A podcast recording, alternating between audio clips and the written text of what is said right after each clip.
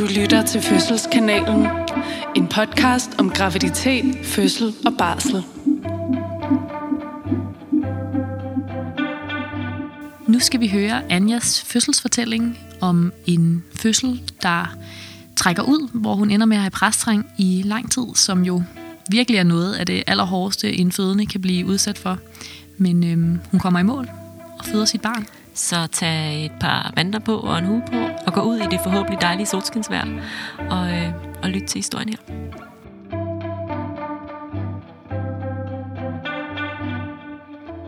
Tænk, at man faktisk kan få et barn ud af at være gravid. Den tanke havde jeg næsten opgivet. Efter et langt og opslidende fertilitetsbehandlingsforløb og tilhørende gentagende aborter over en periode på fire et halvt år, var jeg flere omgange blevet mor i hjertet, men aldrig i den virkelige verden.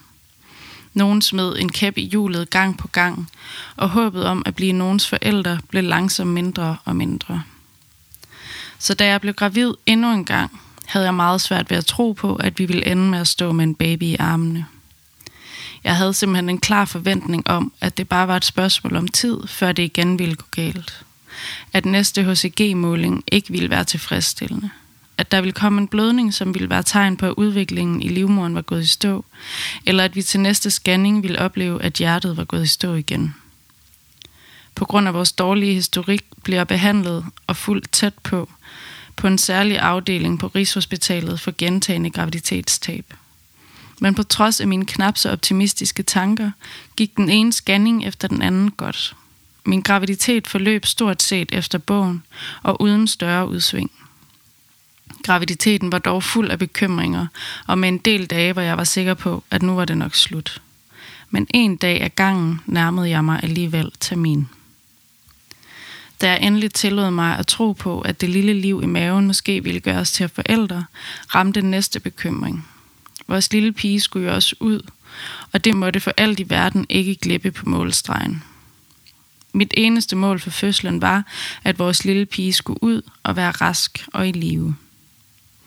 Sammen med min konsultationsjordmor fik jeg lavet en god fødselsplan, hvor jeg fik skrevet vores ønsker ned. Vi ønskede, at vores jordmor under fødslen kendte til vores historik, og dermed havde en forståelse for, hvis jeg ville blive hysterisk bekymret under fødslen. Jeg ønskede monitorering af baby gennem fødslen, så der kunne gribes ind hurtigt ved de mindste tegn på mistrivsel. Og jeg ønskede så meget information som muligt undervejs, så jeg ikke skulle blive nervøs af at tolke på, om stillhed var et tegn på, at der blev holdt informationer tilbage for os. Grundet historikken med gentagende aborter og behandling herfor, ønskede vi at følge retningslinjerne fra sygehuset om igangsættelse senest 41 plus 0. Allermest ønskede vi naturligvis, at fødslen ville starte af sig selv, inden vi kom så langt. Men det var rart at have en bagkant at forholde sig til. Tanken om igangsættelse skræmte mig ikke det mindste. Jeg så det mest som en god tryghed for, at vi ville få vores baby ud i den virkelige verden. Jo tættere på termin, jo bedre. For at hjælpe kroppen lidt på vej, gik jeg i ugerne op til termin til modningsakupunktur. Jeg googlede akupressurpunkter, der skulle masseres for at modne livmoderhalsen og trykket løs, ligesom jeg fik min mand til at give mig rebosomassage. Men lige lidt hjalp tiltagende, og vi ramte termin uden så meget som et lille tegn på en nærstående fødsel. Til det sidste jordmorbesøg efter terminen blev der lagt en plan for igangsættelsen. På grund af mine bekymringer om fødslens udfald blev der skrevet i min journal, at jeg havde mulighed for indlæggelse, hvis jeg havde behov for det eller hvis jeg blev for utryg ved at være derhjemme. 40 plus 6 mødte jeg som aftalt op på sygehuset kl. 7.30. Jeg havde sendt min mand på arbejde, for sådan en omgang i gangsættelse havde jeg hørt fra flere sagtens kunne blive en langsomlig affære. Jeg blev undersøgt, og jordmoren vurderede, at jeg var 1,5 cm åben og havde 1 cm livmorhals tilbage. Efter aftale udførte hun en hændeløsning på mig, og jeg fik i første omgang angustapille. Aftalen blev herefter, at jeg ville tage hjem, fordi jeg følte mig tryg ved det, og jeg selv vurderede, at oxytocin nok ville flyde lidt mere frit i vante omgivelser end i en hospitalseng på barselsgangen. Jeg kørte hjem med instruktionen at tage en ny pille hver anden time ind til enten vejr eller vandafgang. Hvis ingen af delene skulle jeg møde op på sygehuset den efterfølgende morgen til undersøgelse og en ny omgang piller. Hindeløsningen fik mit underliv til at mure godt. Men jeg tillagde det ikke så meget værdi, andet end at det nok ikke var så underligt, efter at nogen havde rodet rundt ved min livmorhals. Jeg havde lavet en aftale med en god veninde, som ville kigge forbi, da jeg kom hjem. Hun har selv tre fødsler bag sig, og her er to igangsættelser. Så hvis nogen skulle kunne rådgive mig lidt, måtte det være hende. Jeg havde kodet min telefon til at alarmere hver anden time, så jeg ikke missede en pille under besøget. Den murende fornemmelse fra hændeløsningen holdt ved, og jeg fik også lidt småkvalme omkring middagstid, hvorfor min veninder og jeg blev enige om, at jeg skulle prøve at hvile mig lidt, og hun tog derfor hjem. I løbet af eftermiddagen kom min mand hjem fra arbejde, og vi fik en snak om dagens forløb og de aftaler, jeg havde lavet med sygehuset. Jeg må indrømme, at jeg stadig ikke lagde meget i den murende fornemmelse, jeg oplevede, og tilskrev det fortsat hende løsningen. Alligevel blev min mand og jeg sidst på eftermiddagen enige om, at han skulle tage en lur i tilfælde af, at natten ville blive lang. Imens min mand hvilede sig, ringede jeg til min veninde for tidligere for at høre om hendes erfaringer med vejer, fordi jeg nu begyndte at mistænke, om den murende fornemmelse kunne være plukvejer, som jeg ikke havde nogen særlig erfaring med gennem graviditeten. Jeg blev også i tvivl om, hvordan jeg egentlig ville kunne mærke forskel på plukvejer og rigtige vejer, når man ikke har noget at sammenligne med. Svaret til det var, du er ikke i tvivl. Men det var jeg virkelig. Jeg havde ikke en fornemmelse af, at der var en V, der startede og stoppede. Jeg havde bare den murende fornemmelse, der langsomt tog til og blev kraftigere og kraftigere, men som ikke var til at tage tid på, som jeg ellers var blevet instrueret i til fødselsforberedelsen. Omkring kl. 19 vælger jeg at ringe til fødegangen for at spørge, hvordan jeg skulle forholde mig. For hvis det nu var vejr, så skulle jeg ikke tage den næste pille, som aftalt om morgenen.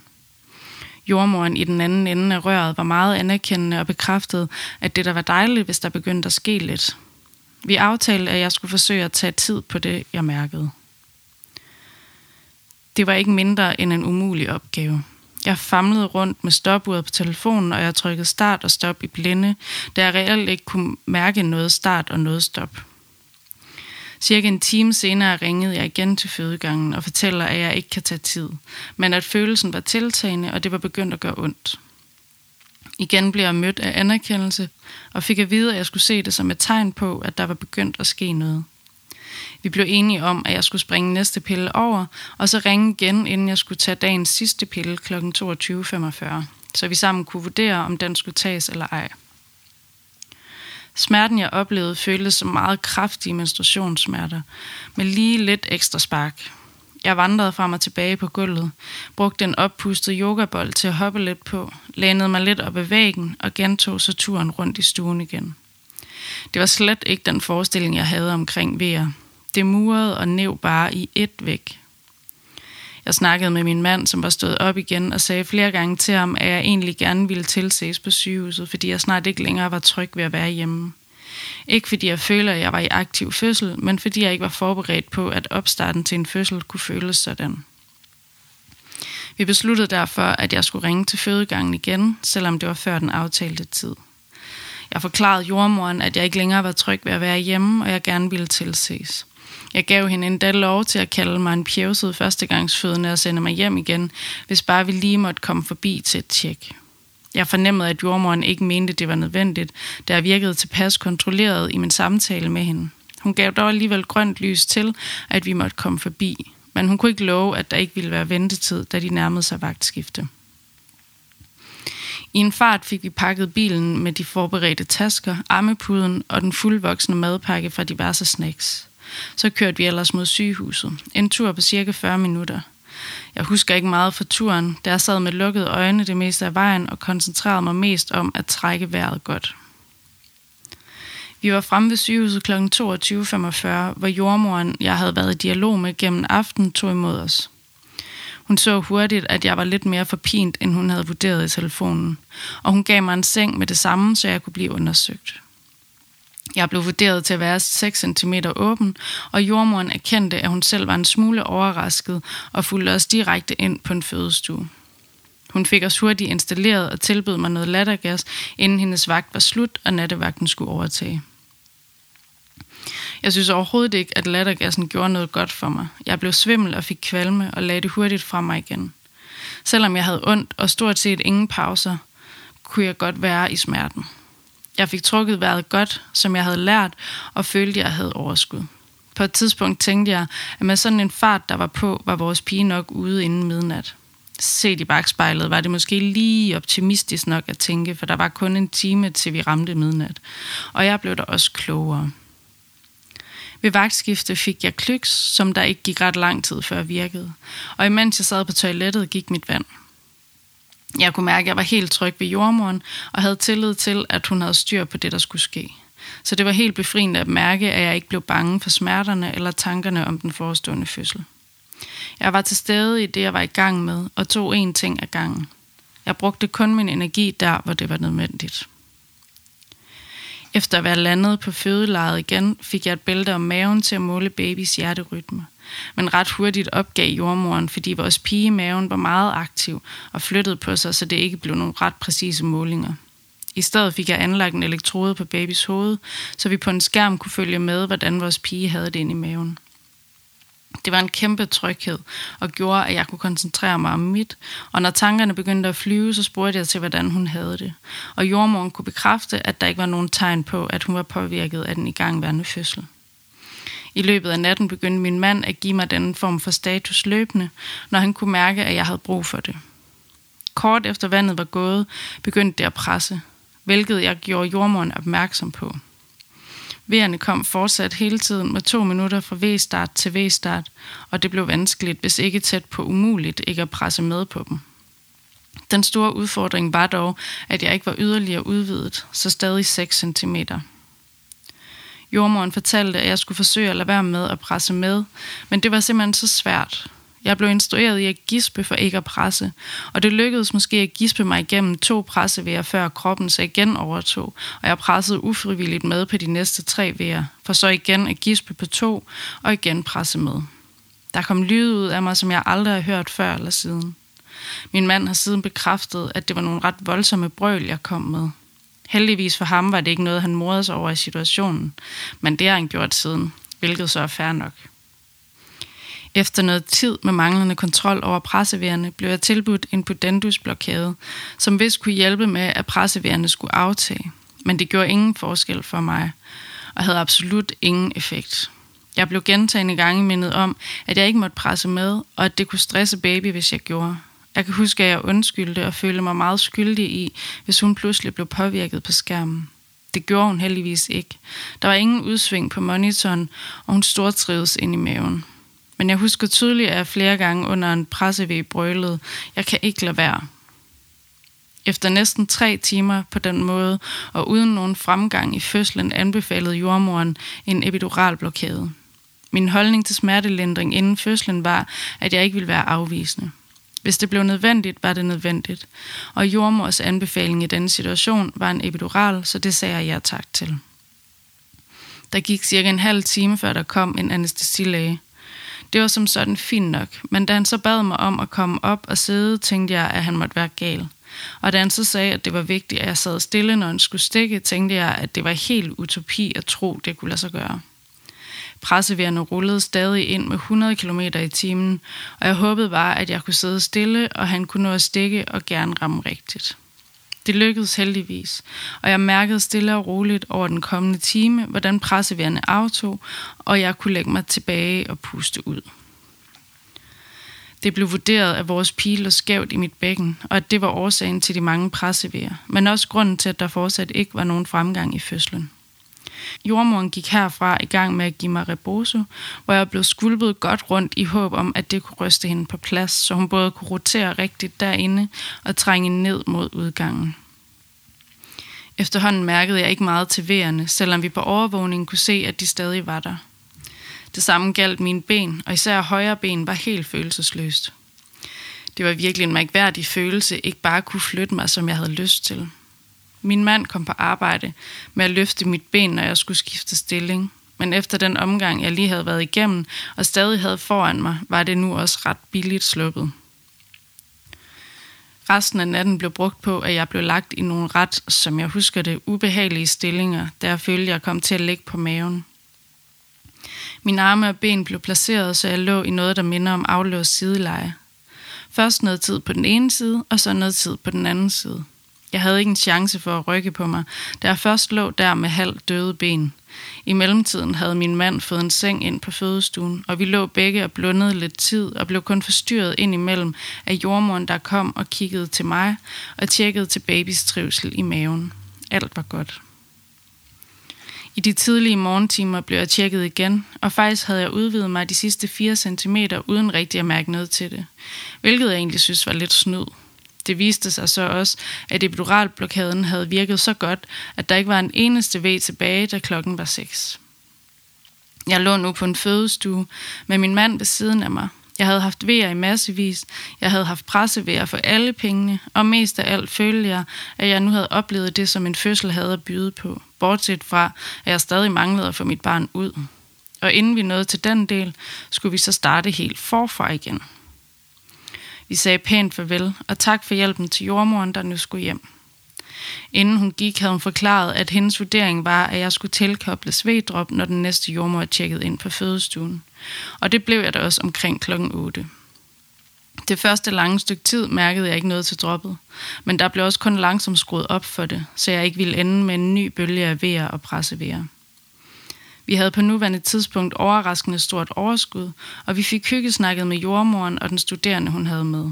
Det var ikke til at mærke, at natten havde været lang, og vi ikke havde fået meget søvn.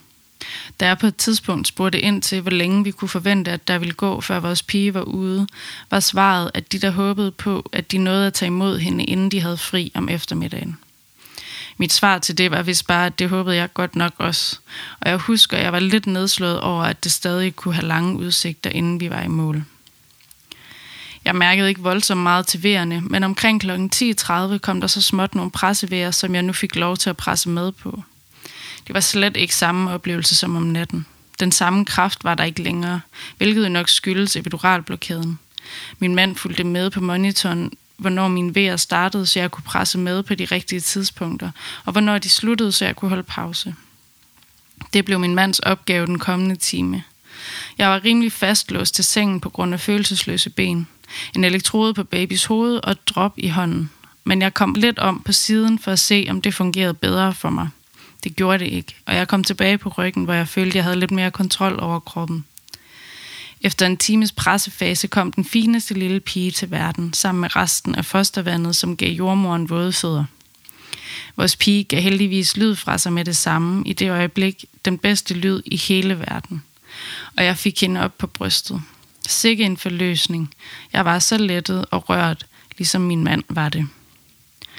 Med 4.130 gram og 54 cm lang var hun ikke helt lille, men helt igennem perfekt, og hun havde det godt. Hende vi havde ventet så længe på, som vi havde bekymret os så meget om allerede. Nu var hun her. Sund, rask og i live. Hun var vores, og vi var hendes forældre. Måske min fødsel ikke var en drømmefødsel i den gængse forstand, i og med, at jeg undervejs fik fuld plade i smertestillende, og jeg var begrænset i at kunne bevæge mig undervejs. Men det vigtigste var, at den gjorde os til forældre, som var den største drøm for os længe. En drøm, vi havde tvivlet på, om nogensinde ville gå i opfyldelse. Så for os var det i den grad en drømmefødsel. En fantastisk oplevelse, som jeg håber, at vi igen en dag kan få lov til at opleve. Selvom jeg allerede nu ved, at vejen dertil heller ikke bliver nem.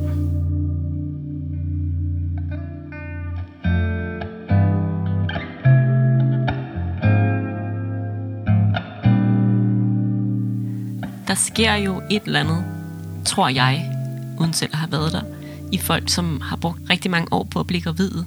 Øhm, det har Anja og hendes kæreste, og, og det er ret tydeligt, at, øh, at fødslen bliver ligesom bare en forhindring mere, som de skal over, før de får lov til at have deres barn i armene. Mm. Det, det tror jeg, du har ret i, Fred. Og, og man kan jo høre, hun siger endda, at, at det eneste mål med fødslen er at få et barn ud, som øh, er i live. Hvilket jo øh, både gør mig lidt ked af det, at man skal have det sådan, men samtidig så kan jeg virkelig godt forstå det. Og, øh, og der er ret mange gravide, som, som fortæller lignende ting, når man øh, snakker med dem i løbet af graviditeten. Øhm, hvis de har været igennem facilitetsbehandling, eller tidligere har oplevet at abortere spontant. Og øhm, Anja har jo prøvet begge dele, så jeg kan godt forstå, at det tager lang tid sådan rigtigt at tro på, at, Øhm, at hun er gravid og tro på, at hun skal føde, og at det nærmest skal føles som en luksus at, øh, at gå og drømme om sådan små detaljer under en fødsel, når man, øh, når man virkelig har kæmpet for at komme dertil. Øh, og for nogen så vender det på et eller andet tidspunkt i løbet af graviditeten, at man ligesom, når man kan mærke, at barnet bevæger sig, når man virkelig nærmer sig fødslen, også får en, en fornemmelse af, at sådan, det er mit barn herinde, og nu kommer det ud til mig. Men, men for andre, så er det simpelthen først, når man, når man har fået barnet i armene, og måske også først nogle måneder efter, når man øhm, har lært barnet lidt at kende i virkeligheden, at man sådan rigtig kan falde til ro i det. Øhm, det er i hvert fald fuldstændig normalt. Ja.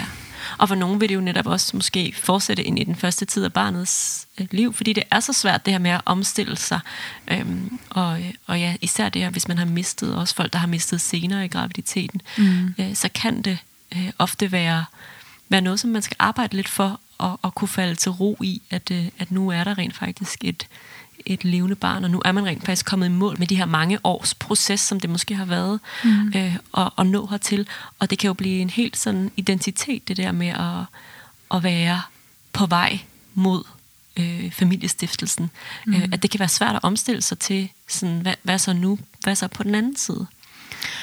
Ja, og man kan også lidt miste troen på, at ens krop kan finde ud af det, som man ligesom forventer af den, eller gerne vil have fra den. Øh, hvilket også kan være en svær måde at gå ind til en fødsel, ligesom at vide, øh, at, at man tidligere er blevet svigtet af sin krop, eller har oplevet noget, der har været meget svært. Øh, så jeg tænker, at det bare er virkelig flot, at Anja har snakket med sin jordmor om det graviditeten, og ligesom faktisk fået lavet en plan specifikt til hende, øhm, som gør, at, at hun måske lidt tryggere kan gå ind til en fødsel, og ved, at den jordmor, som møder hende, når hun skal føde, kender hendes historie. Ja, hun har jo helt klart gjort sig sådan nogle, nogle aktive overvejelser, og taget nogle aktive valg i det her med, sådan, hvad, hvad gør hende tryggere? Hun, hun siger både det her med, at hun vælger ligesom at takke ja til igangsættelse 41.0, som er tilbuddet, når man har været øh, i fertilitetsbehandling, hvor man ellers først ville blive øh, anbefalet igangsættelse øh, 41.4, 41.5.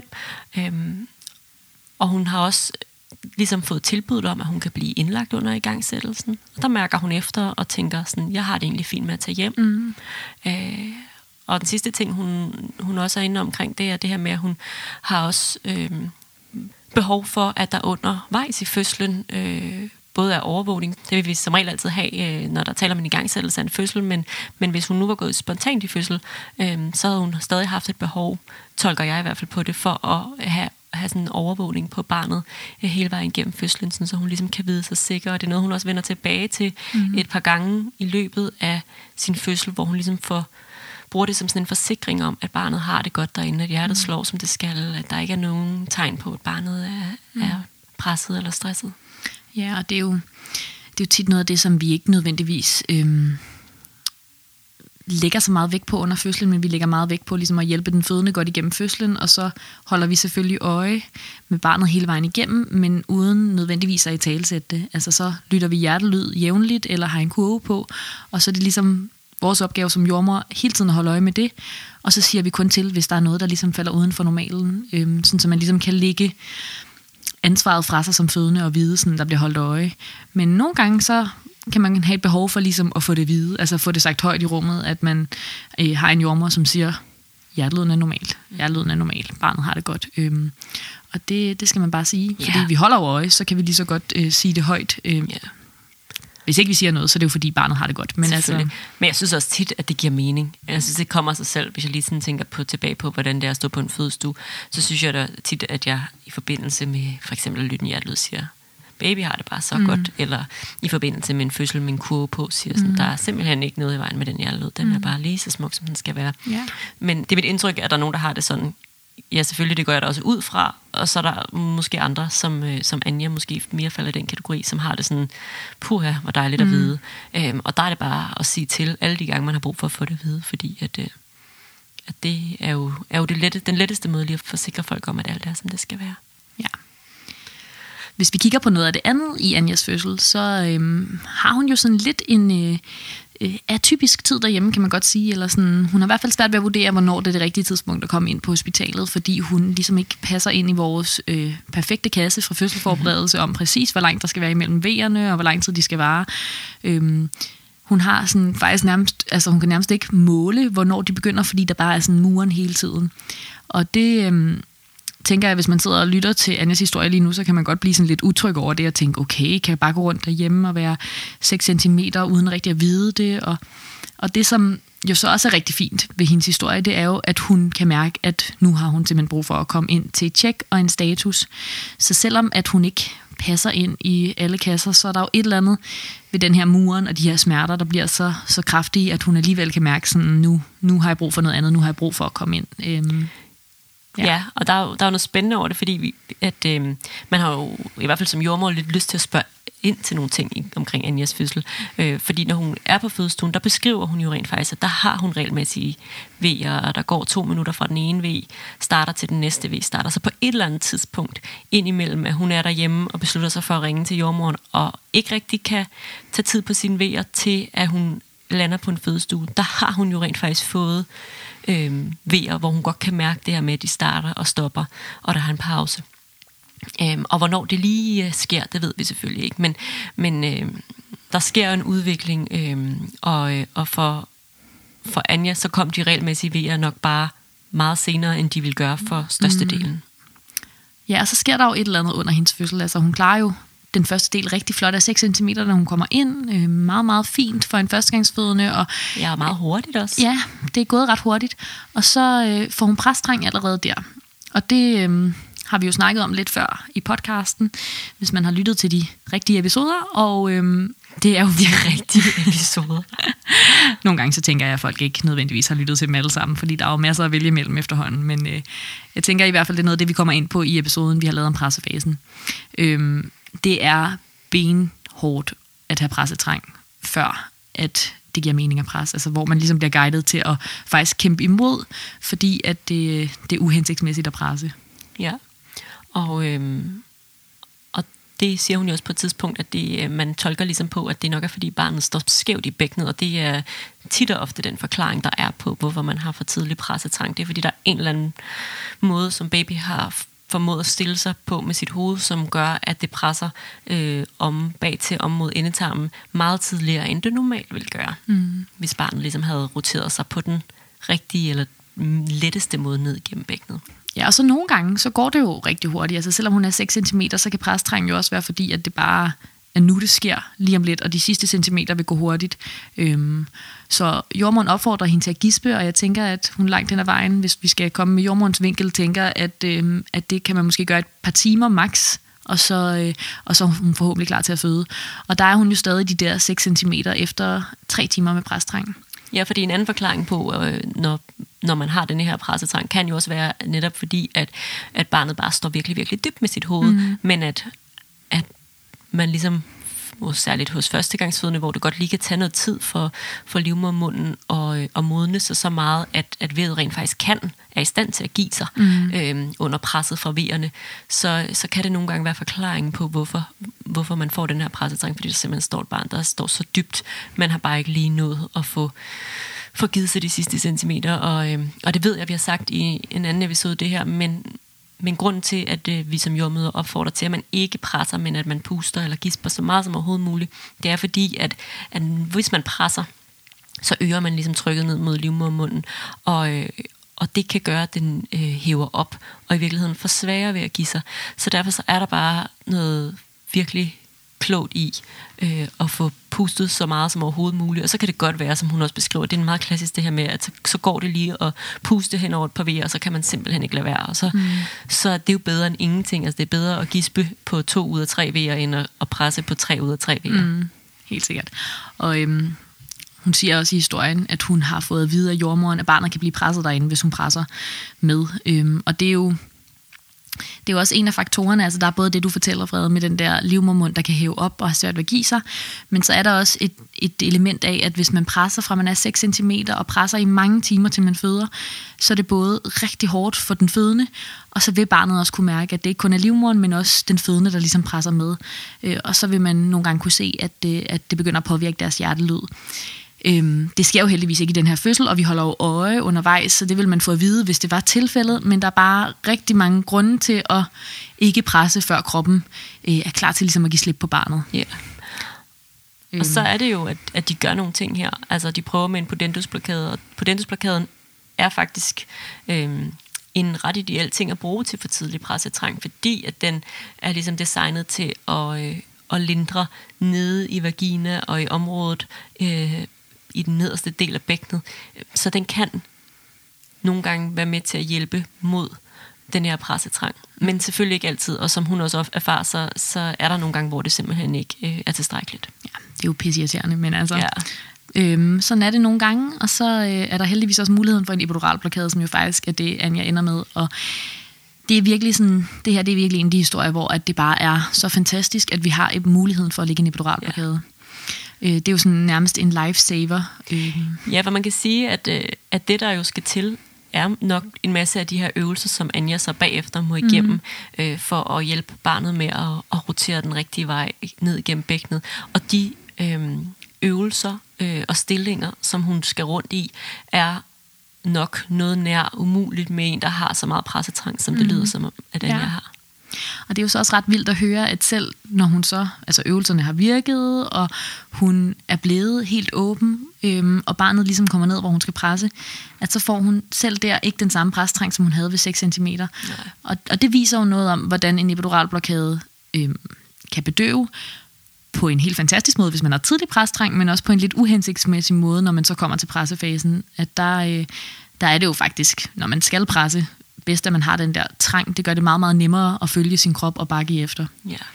Så øhm, der er fordele og ulemper, og det er jo sådan, sådan er det jo med mange ting, og rigtig mange indgreb. Øh, jeg tænker, når jeg hører det her, så tænker jeg, at det var et, et rigtig godt bud fra jordmorens side øh, med den epiduralblokade. Og, øh... Ja, den er jo meget godt eksempel på her, netop fordi Anja faktisk både får fordelene og lidt af ulemperne. Mm-hmm. Altså hun ender med at få et V-stimulerende drop, som vi jo en gang imellem, øh, og måske mere hyppigt end, end ellers, bliver nødt til at sætte, når man øh, har en epiduralblokade, fordi den simpelthen formår at bedøve rigtig fint, øh, og, øh, og netop også tager lidt af den her pressetrang, og måske også lidt af intensiteten fra vejerne øh, fra Anja. Men, men igen vejet op det ene og det andet, så er det svært at se, hvordan man skulle være kommet i mål uden sådan en epiduralblokade, og, øh, og den jo i virkeligheden giver hende muligheden for at gøre de ting, der skal til for at, øh, er hun i sidste ende for, for baby ud.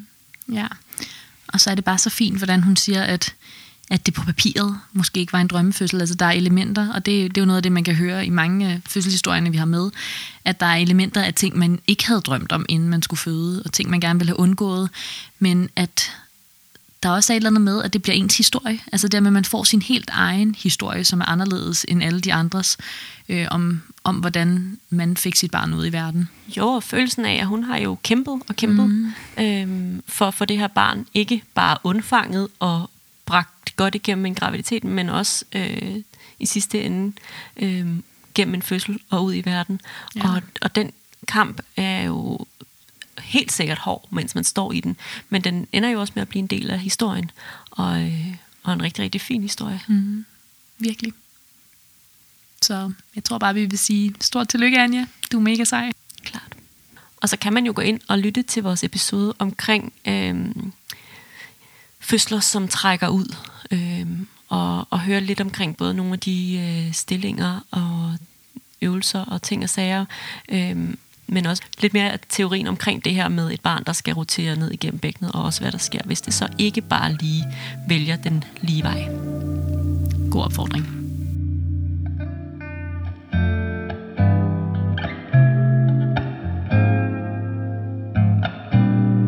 Du har lyttet til en fødselsfortælling på Fødselskanalen. Fortællingen var oplæst af Rikke Østergaard. Vi er dine værter, Sigrid Arnbjerg og Frederikke Dørfler.